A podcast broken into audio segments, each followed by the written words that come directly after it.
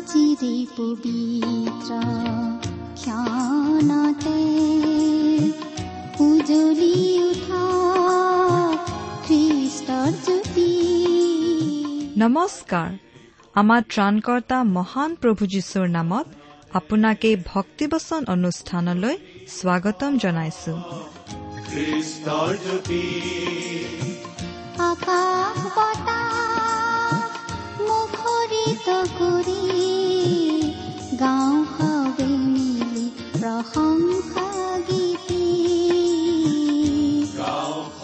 এয়া মুকলি কৰিছো। ঈশ্বৰৰ জীৱিত বাক্যৰ ধাৰাবাহিক অনুষ্ঠান ভক্তি বচন। আপোনাৰ জীৱনত যদি শান্তি পাব বিচাৰে তেন্তে এয়া ঈশ্বৰৰ বাক্যৰ সান্তনা বাক্য ভক্তি বচন। গতিকে আহক আজিৰ শিক্ষা শুনো।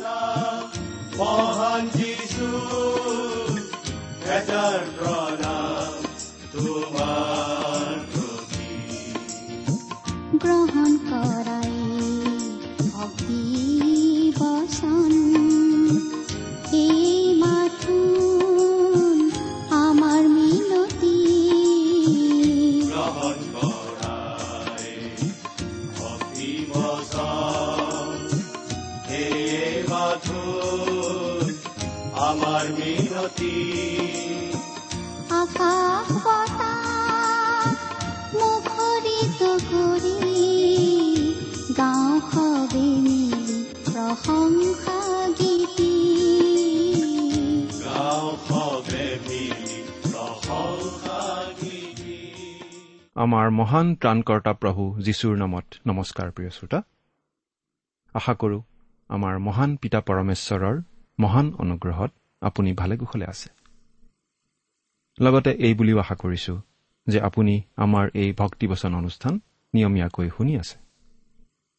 আমি দিনটোৰ কিমান সময় অবাবতে নষ্ট কৰোঁ কেতিয়াবা চিন্তা কৰি চাইছেনে বাৰু? ৰাতি বিচনাত পৰাৰ সময়ত এবাৰ হিচাপ কৰি চাবচোন। দেখিব আমি বহু সময় অবাবতেই খৰচ কৰোঁ। কিন্তু ঈশ্বৰলৈ বুলি সময় দিবলৈ আমি প্ৰায়েই পাহৰি যাওঁ।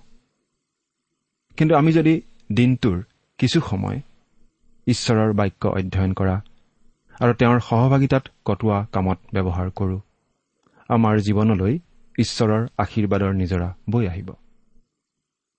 এই ভক্তিবচন অনুষ্ঠানৰ জৰিয়তে আমি আপোনালোকৰ সুবিধাৰ অৰ্থে বাইবেল অধ্যয়নৰ পাঠ আগবঢ়াই আহিছো। যিমান পাৰোঁ সহজ সৰলকৈ। এই অনুষ্ঠান শুনাৰ দ্বাৰা আপুনি যদি কিবা প্ৰকাৰে উপকৃত হৈছে আমালৈ লিখি জনাবচোন। অৱশ্যে অনুষ্ঠান সম্বন্ধে আপোনাৰ মতামত আদি জনাইও আমালৈ লিখিব পাৰে। প্ৰভু যীশুখ্ৰীষ্ট আৰু খ্ৰীষ্টীয় বিশ্বাসৰ বিষয়ে কিবা জানিবলগীয়া থাকিলেও আমালৈ লিখিব পাৰে। অনুগ্ৰহ কৰি ঠিকনাটো লিখি লওকচোন। ভক্তিবচন টি ডব্লিউ আৰ ইণ্ডিয়া ডাক বাকচ নম্বৰ সাত শূন্য গুৱাহাটী সাত আঠ এক শূন্য শূন্য এক। ভক্তিবচন T W R India post box number seventy Guwahati seven eight one zero' zero' one. আমাৰ website W W W dot radio' eight eight two dot com আমি বাৰু এতিয়া বাইবেলৰ কোনখন পুস্তক অধ্যয়ন কৰি আছো আপোনাৰ মনত আছেনে? আপুনি যদি আমাৰ এই ভক্তিবচন অনুষ্ঠান নিয়মিতভাৱে শুনি আছে তেনেহলে আপুনি নিশ্চয় জানে যে আমি যোৱা দুটা অনুষ্ঠানত বাইবেলৰ নতুন নিয়ম খণ্ডৰ জোহনৰ দ্বিতীয় পত্ৰ বা চমুকৈ দ্বিতীয় জোহন নামৰ পুস্তকখনৰ অধ্যয়ন আৰম্ভ কৰিছো। যোৱা অনুষ্ঠানত আমি এই দ্বিতীয় জোহন পুস্তকখনৰ তিনি নম্বৰ পদলৈকে পঢ়ি আমাৰ আলোচনা আগবঢ়াইছিলো। কিন্তু সময়ৰ অভাৱত আমি তিনি নম্বৰ পদটো বেছি বহলাই আলোচনা কৰিব নোৱাৰিলো। গতিকে আজি আমি তিনি নম্বৰ পদৰ পৰাই আমাৰ আলোচনা আকৌ আৰম্ভ কৰিব খুজিছো। আহকচোন আজিৰ বাইবেল অধ্যয়ন আৰম্ভ কৰাৰ আগতে আমাৰ পৰম পিতা পৰমেশ্বৰৰ ওচৰত প্ৰাৰ্থনাত মূৰ্ণত কৰোঁ হওক আমি প্ৰাৰ্থনা কৰোঁ হে আমাৰ স্বৰ্গত থকা অসীম দয়ালু পিতৃ ঈশ্বৰ তোমাৰ মহান নামৰ ধন্যবাদ কৰোঁ। তুমি এই বিশ্বব্ৰহ্মাণ্ডৰ সৃষ্টিকৰ্তা পালনকৰ্তা সৰ্বশক্তিমান সৰ্বজ্ঞানী সৰ্বব্যাপী ঈশ্বৰ। তুমি পবিত্ৰ ঈশ্বৰ। তোমাৰ নাম লোৱাৰেই আমি যোগ্য নহয় প্ৰভু। আমাৰ একো নাই যাৰে আমি তোমাৰ দৃষ্টিত গ্ৰহণীয় হ'ব পাৰোঁ। আমি দুৰ্বল পাপী মানুহ মাত্ৰ। কিন্তু তুমি প্ৰেমময় কৰুণাময় অনুগ্ৰহশীল ঈশ্বৰ। তোমাৰ প্ৰেমৰ তুলনা নাই। তুমি যে আমাক প্ৰেম কৰিলা তাৰ প্ৰমাণ দিলা তোমাৰ একমাত্ৰ পুত্ৰ যীশুখ্ৰীষ্টক আমালৈ দান কৰাৰ দ্বাৰাই। তেওঁ আমাৰ পৰিত্ৰাণৰ কাৰণে ক্ৰুচত আমাৰ পাপৰ প্ৰায়চিত্ৰ কৰি আমাৰ বাবে মুক্তিৰ পথ প্ৰস্তুত কৰিলে। তেওঁতেই বিশ্বাস কৰি আজি আমি পৰিত্ৰাণ লাভ কৰি তোমাক পিতৃ বুলি মাতিব পৰা হৈছো। প্ৰভু তুমি আমাক কিয় যে ইমান ভাল পোৱা কিয় যে ইমান প্ৰেম কৰা আমি বুজি নাপাওঁ। এতিয়া আহা পিতা তোমাৰ মহান বাক্য বাইবেল শাস্ত্ৰ অধ্যয়ন কৰাত আমাক সহায় কৰা। তোমাৰ বাক্য তুমিয়েই আমাক বুজাই দিয়া। এই অনুষ্ঠানৰ শ্ৰোতাসকলক তুমি বিশেষভাৱে আশীৰ্বাদ কৰা। তেওঁলোকৰ জীৱন সফল কৰি তোলা। তোমাৰ প্ৰেম তেওঁলোকৰ জীৱনত প্ৰকাশ পাই উঠিবলৈ দিয়া। কিয়নো এই প্ৰাৰ্থনা আমাৰ মহান ত্ৰাণকৰ্তা মৃত্যুঞ্জয়ী প্ৰভু যীশুখ্ৰীষ্টৰ নামত অৰ্পণ কৰিলো। আমেন।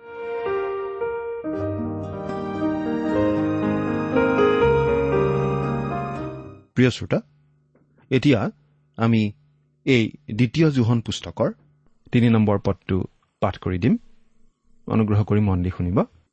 দ্বিতীয় জোহন তৃতীয় পদ। পিতৃ ঈশ্বৰৰ পৰা আৰু পিতৃৰ পুত্ৰ যীশুখ্ৰীষ্টৰ পৰাও অনুগ্ৰহ দয়া আৰু শান্তি সত্যত আৰু প্ৰেমত আমাৰে সৈতে থাকিব। ইয়াত আমি তিনিটা বিশেষভাৱে মন কৰিবলগীয়া শব্দ পাওঁ। দেখাত শব্দকেইটা একেই যেন লাগিলেও শব্দকেইটাৰ অৰ্থৰ মাজত অলপ পাৰ্থক্য আছে। শব্দকেইটা হ'ল দয়া অনুগ্ৰহ আৰু প্ৰেম। ঈশ্বৰৰ প্ৰেম ঈশ্বৰৰ দয়া আৰু ঈশ্বৰৰ অনুগ্ৰহৰ মাজত বাৰু কি পাৰ্থক্য আছে? আমি ইফিচিয়া পত্ৰ দ্বিতীয় অধ্যায় চাৰি আৰু পাঁচ পদ পঢ়িলে এনেদৰে পাওঁ। কিন্তু দয়াধনেৰে ধনবান ঈশ্বৰে যি মহাপ্ৰেমেৰে আমাক প্ৰেম কৰিলে তাৰ কাৰণে আমি অপৰাধত মৰি থকা কালতেই খ্ৰীষ্টে সৈতে আমাক জীয়ালে। অনুগ্ৰহেৰেই তোমালোকে পৰিত্ৰাণ পালা। এই শাস্ত্ৰপদটো অতি গুৰুত্বপূৰ্ণ। কাৰণ ইয়াত এই তিনিওটা একলগ কৰা হৈছে। পাচনি পৌলে কৈছে ঈশ্বৰ দয়া ধনেৰে ধনবান। আৰু আমাৰ প্ৰতি থকা তেওঁৰ মহাপ্ৰেমৰ কাৰণে তেওঁ আমাক অনুগ্ৰহেৰে পৰিত্ৰাণ দিলে। ঈশ্বৰৰ প্ৰেমনো কি? আমি জানো যে ঈশ্বৰ প্ৰেম আন একো সৃষ্টি কৰাৰ আগতেই ঈশ্বৰ আছিল প্ৰেম। কোনোবাই সুধিব পাৰে তেওঁনো কাক প্ৰেম কৰিছিল? আমি এই কথা পাহৰি যাব নালাগে যে সৃষ্টিৰ আগৰে পৰাই ঈশ্বৰ আছিল তিনি ব্যক্তি হিচাপে। ইংৰাজীত যাক ত্ৰিনিটি বুলি কোৱা হয়। আৰু পিতৃ ঈশ্বৰ পুত্ৰ ঈশ্বৰ আৰু পবিত্ৰ আত্মা ঈশ্বৰৰ মাজৰ সম্বন্ধটো হৈছে প্ৰেমৰ সম্বন্ধ। ডক্তৰ লিউইছ স্পেৰী চেফাৰ নামৰ বিখ্যাত পণ্ডিত এজনে এই বুলি লিখিছে ঈশ্বৰে দয়া আৰু অনুগ্ৰহ প্ৰদৰ্শন কৰাৰ আগতেই প্ৰেমতেই আছিল। প্ৰেম হৈছে ঈশ্বৰৰ প্ৰকৃতি ঈশ্বৰৰ স্বভাৱ। ঈশ্বৰে মানৱক প্ৰেম কৰে। কিন্তু আমি এই কথাটো মন কৰিবলগীয়া যে ঈশ্বৰে প্ৰেমেৰে আমাক পৰিত্ৰাণ নিদিয়ে। অৰ্থাৎ ঈশ্বৰৰ প্ৰেমে আমাক পৰিত্ৰাণ দিব নোৱাৰে। ঈশ্বৰৰ প্ৰেমে ঈশ্বৰক আগবঢ়াই দিলে দয়া আৰু অনুগ্ৰহৰ পথত। প্ৰেমৰ কাৰণেই ঈশ্বৰে মানুহৰ প্ৰতি দয়া আৰু অনুগ্ৰহ প্ৰদৰ্শন কৰিলে। এতিয়া প্ৰশ্ন হ'ল দয়া আৰু অনুগ্ৰহৰ মাজতনো কি পাৰ্থক্য আছে? ডক্তৰ চেফাৰে এই বিষয়ে এনেদৰে কৈছে দয়া ঈশ্বৰৰ এনেকুৱা গুণ যি গুণে পাপী মানুহৰ বাবে প্ৰয়োজনীয়খিনি দিয়ে। ঈশ্বৰ দয়াধনেৰে ধনবান। তেওঁ দয়াধনত ধনবান কিয়? কাৰণ তেওঁ প্ৰেম। আৰু যিহেতু ঈশ্বৰ প্ৰেম তেওঁ দয়া কৰি পাপী মানুহৰ বাবে প্ৰয়োজনীয়খিনি দিলে। কিন্তু দয়ায়ো মানুহক উদ্ধাৰ নকৰে। আকৌ ডক্তৰ চেফাৰৰ ভাষাত অনুগ্ৰহ হৈছে ঈশ্বৰত থকা সেইটো গুণ যিটোৱে মানুহক উদ্ধাৰ কৰিবলৈ কাৰ্য কৰিব পাৰে কাৰণ পবিত্ৰতাৰ বাবে প্ৰয়োজনীয় সকলোখিনি চৰ্ত পূৰণ কৰা হ'ল। আজি ঈশ্বৰে অনুগ্ৰহ দেখুৱাব পাৰে। আমি পাপী মানুহ। আমি ঈশ্বৰক একো দিব নোৱাৰোঁ। কিন্তু ঈশ্বৰৰ অনুগ্ৰহ আছে। আৰু সেইবাবেই আমি হেৰাই থকা পাপী মানৱ তেওঁৰ আগলৈ আহি ক'ব পাৰোঁ। হে প্ৰভু মোক ক্ষমা কৰা। আৰু ঈশ্বৰে আমাক ক'ব পাৰে মই প্ৰেম। মই দয়াধনত ধনবান। মই তোমাক প্ৰেম কৰোঁ আৰু মই দয়া কৰি তোমাৰ বাবে এজন পৰিত্ৰতা দান কৰিছো। আৰু যদি আমি সেই পৰিত্ৰতা যীশুখ্ৰীষ্টত বিশ্বাস স্থাপন কৰোঁ তেতিয়া আমি অনুগ্ৰহেৰে পৰিত্ৰাণ পাওঁ। কিয়নো অনুগ্ৰহেৰেহে বিশ্বাসৰ দ্বাৰাই তোমালোকে পৰিত্ৰাণ পালা। আৰু সেয়ে তোমালোকৰ পৰা নহয় ঈশ্বৰৰহে দান। ইফিচিয়া দ্বিতীয় অধ্যায় আঠ পদ। এই শব্দকেইটাৰ মাজত থকা পাৰ্থক্য আমি অলপ হলেও নিশ্চয় বুজি পাইছো। কিন্তু তিনিওটা শব্দই আচলতে একে কথাই বুজোৱাৰ নিচিনাও লাগে। পৰিত্ৰাণ আচলতে ঈশ্বৰৰ প্ৰেমৰ পৰাই উৎপন্ন হৈছে। কিন্তু ঈশ্বৰে আমাক প্ৰেম কৰে বাবেই পৰিত্ৰাণ দিব নোৱাৰে। তেওঁ আমাক দয়া কৰিও পৰিত্ৰাণ দিব নোৱাৰে। কাৰণ আমাৰ ঈশ্বৰ পবিত্ৰ ঈশ্বৰ ন্যায়বান ঈশ্বৰ। তেওঁৰ বিধান তেওঁৰ আইন তেওঁ লংঘন কৰিব নোৱাৰে। নিজে বনোৱা নিয়ম নিজে তেওঁ ভংগ কৰিব নোৱাৰে। পাপৰ বেচ মৃত্যু। গতিকে পাপী লোকে পাপৰ শাস্তি পাবই লাগিব। গতিকে উপায়? বাইবেলত কৈছে ঈশ্বৰে জগতক ইমান প্ৰেম কৰিলে যে নিজৰ একমাত্ৰ পুত্ৰকে দান কৰিলে। যাতে যিকোনোৱে তেওঁত বিশ্বাস কৰে তেওঁ নষ্ট নহয় কিন্তু অনন্ত জীৱন পায়। ইয়াত আমাক এই বুলি কোৱা হোৱা নাই যে ঈশ্বৰে জগতক ইমান প্ৰেম কৰিলে যে জগতক উদ্ধাৰ কৰিলে। নাই তেওঁ তেনে কৰা নাই। তেওঁ জগতক ইমান প্ৰেম কৰিলে যে দয়া কৰি তেওঁ জগতৰ বাবে এজন পৰিত্ৰতা পঠালে। তেওঁৰ একমাত্ৰ পুত্ৰ যীশুখ্ৰীষ্টই সেই পৰিত্ৰতা।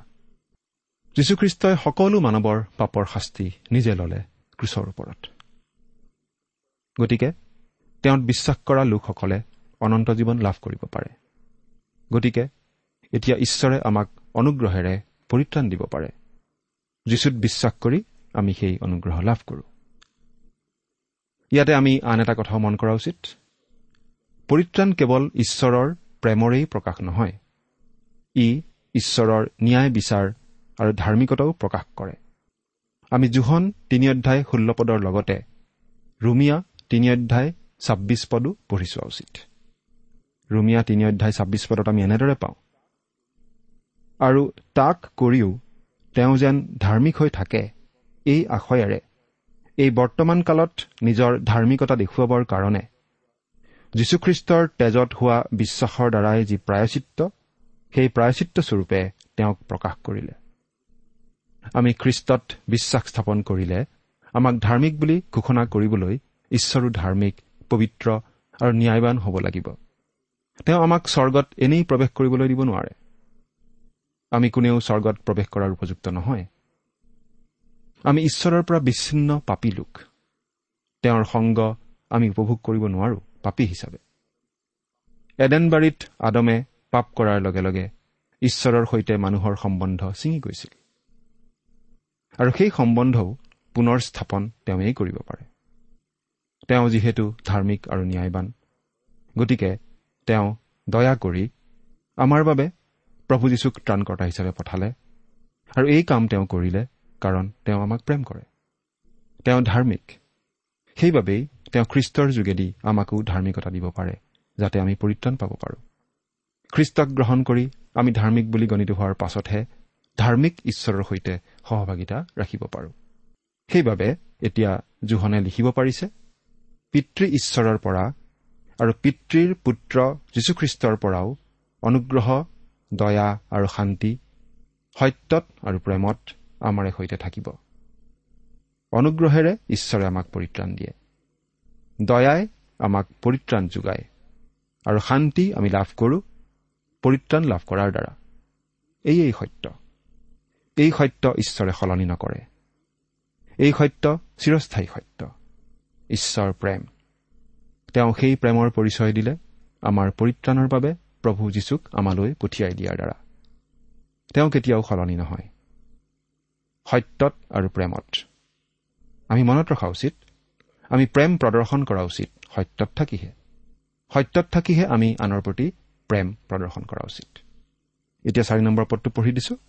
ইয়াত এনেদৰে লিখা আছে আমি পিতৃৰ পৰা পোৱা আজ্ঞা অনুসাৰে মই তোমাৰ সন্তানবিলাকৰ কোনো কোনোবিলাকক সত্যত চলি থকা দেখি অতিশয় আনন্দিত হলো। তোমাৰ সন্তানবিলাক মানে সেই তিৰোতাগৰাকীৰ সন্তানো হ'ব পাৰে নাইবা সেই স্থানীয় মণ্ডলীৰ সভ্য সভ্যাকো বুজাব পাৰে। হয়তো দুয়োটা কথাই বুজাব পাৰে। তোমালোকৰ সন্তানবিলাকৰ কোনো কোনোবিলাক সত্যত চলি থকা দেখি অতিশয় আনন্দিত হলো। সত্যত চলি থকা কথাটোৱে জীৱন ধাৰণৰ পদ্ধতিক বুজায়। অৰ্থাৎ পিতৃ ঈশ্বৰৰ আজ্ঞা পালন কৰি জীৱন কটোৱা বুজায়। খ্ৰীষ্টীয় বিশ্বাসীসকলে পিতৃ ঈশ্বৰৰ আজ্ঞা পালন কৰি চলা উচিত। এই কথাত আমি সকলো নিশ্চয় একমত। বাইবেলে আমাক বাৰে বাৰে এই কথাকেই কৈছে। আন খ্ৰীষ্টীয় বিশ্বাসীক ঈশ্বৰৰ আজ্ঞাধীন হৈ চলা দেখিলে আমাৰ মনত নিশ্চয় আনন্দ লাগিব। আমি পিতৃৰ পৰা পোৱা আজ্ঞা অনুসাৰে। পিতৃ ঈশ্বৰৰ আজ্ঞা কি? তেওঁ পোহৰ। আন্ধাৰ তেওঁত এফেৰিও নাই। গতিকে আমাকো পোহৰত চলিবলৈ কোৱা হৈছে। আৰু আমাৰ জীৱনক আমি ঈশ্বৰৰ বাক্যৰ আধাৰত ঘূৰিব লাগে। পাঁচ নম্বৰ পদটো পঢ়ি দিছো।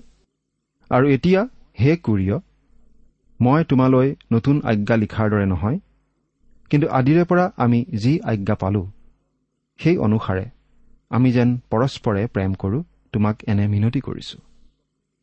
আমি প্ৰথম জোহন পুস্তকখন অধ্যয়ন কৰোঁতেও কৈছিলো যে আদিতে মানে খ্ৰীষ্টই নৰৰূপ লৈ জগতলৈ আহি তেওঁৰ পৰিচৰ্যা আৰম্ভ কৰাৰ সময়ৰ পৰা এই কথা বুজোৱা হৈছে।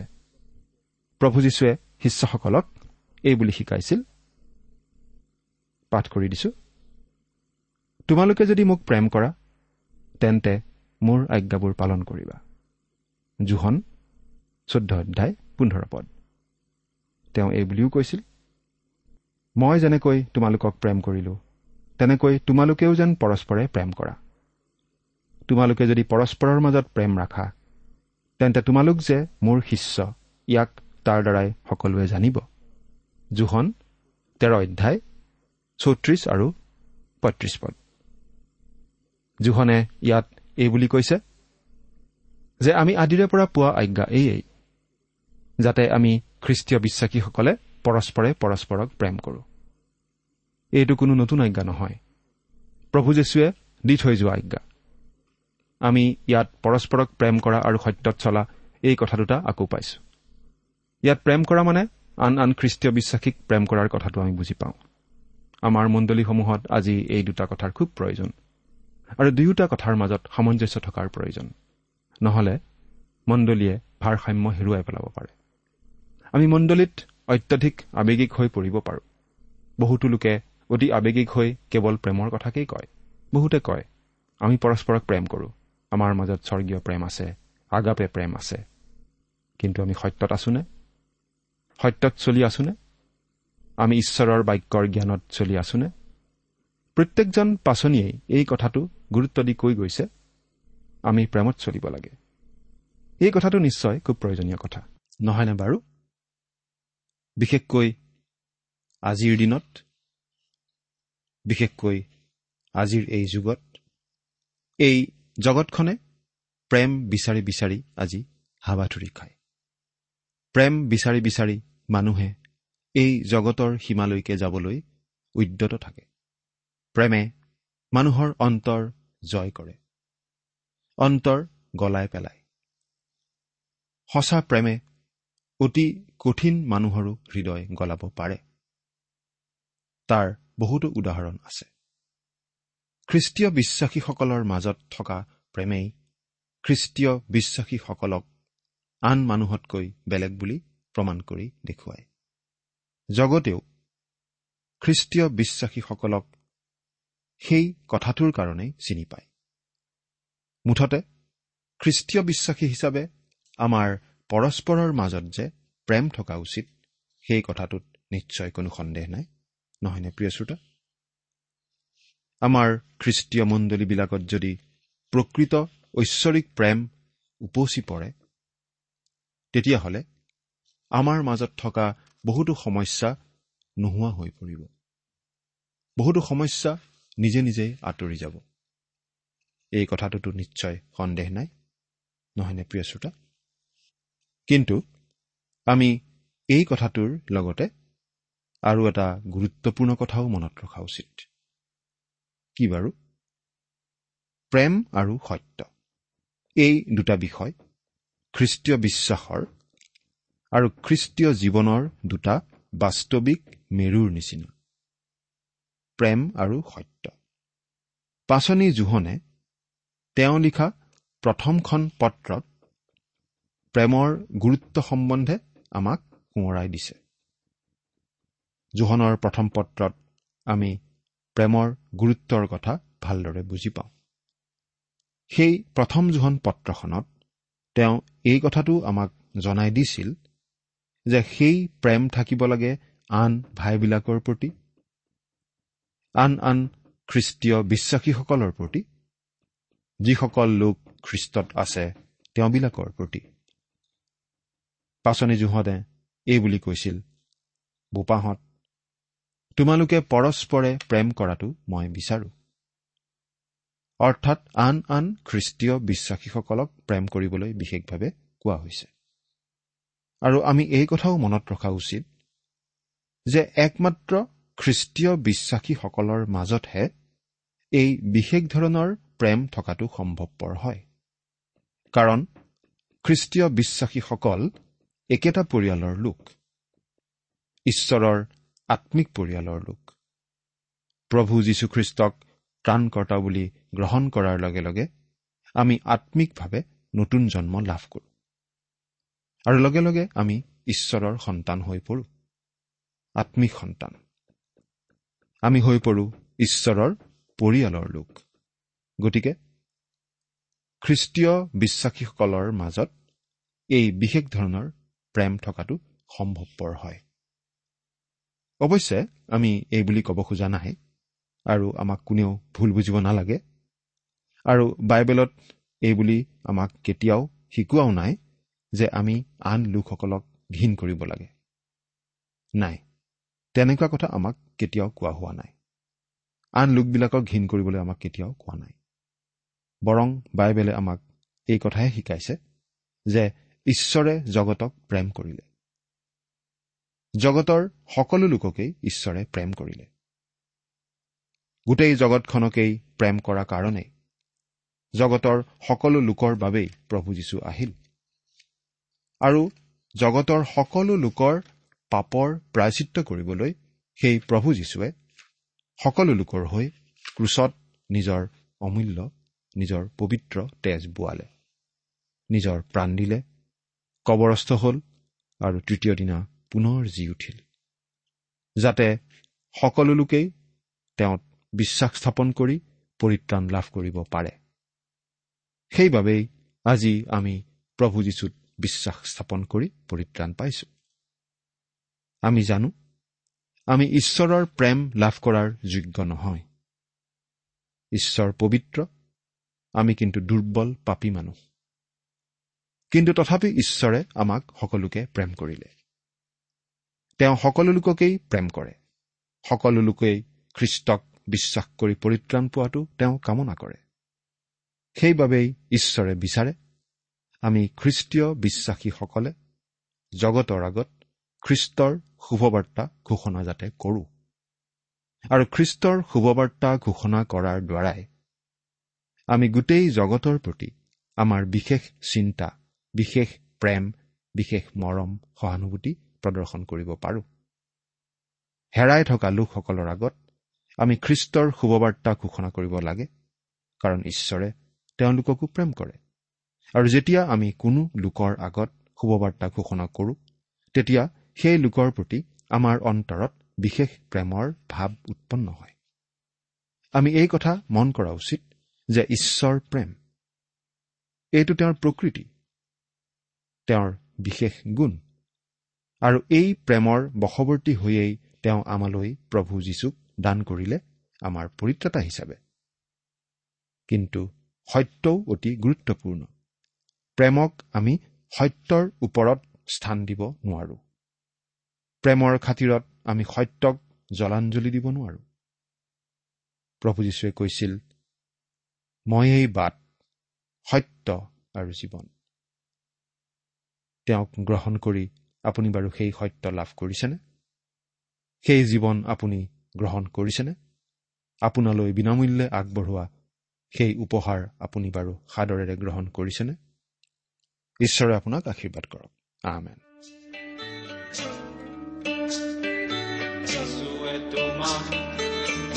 মাতিছে আজি যিশুৱে তোমাক মাতিছে আজি তোমাক আজি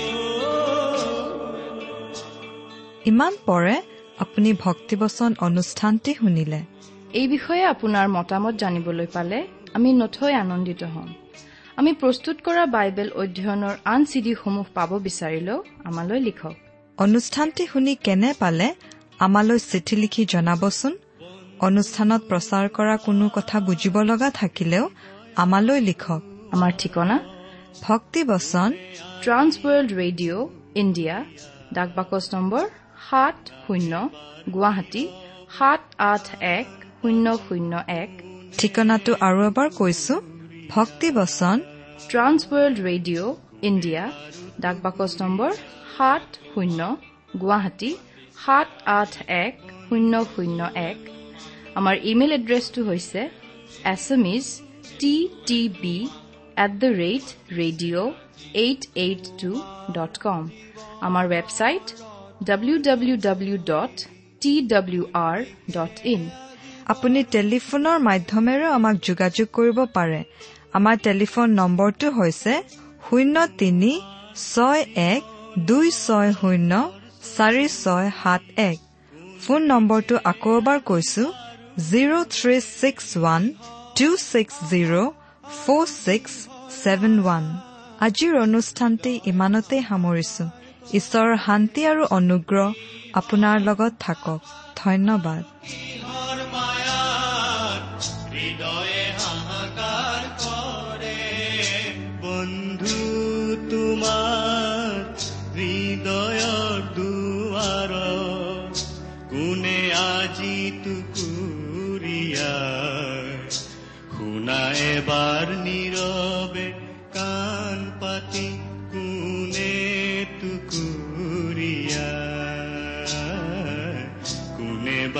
টুকুৰীয়া তোমাক মাতিছে আজি। যিশুৱে তোমাক মাতিছে আজি।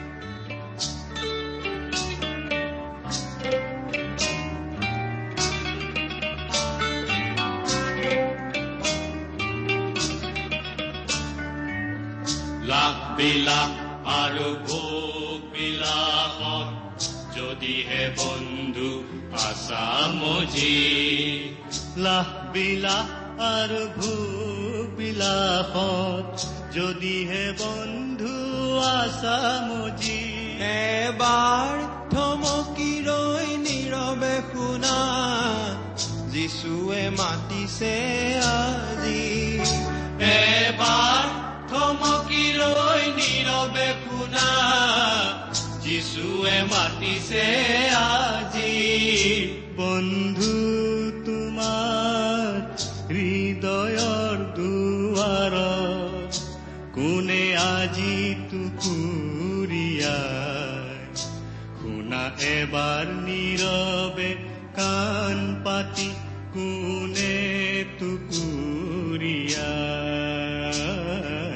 কোনে বাৰু টুকুৰীয়া তোমাক মাতিছে আজি বন্ধু তোমাক মাতিছে আজি যিশুৱে তোমাক মাতিছে আজি তোমাৰ জীৱন নাও থৌকিবা থৌ ধৌ ধুমুহাৰ স্ফালনা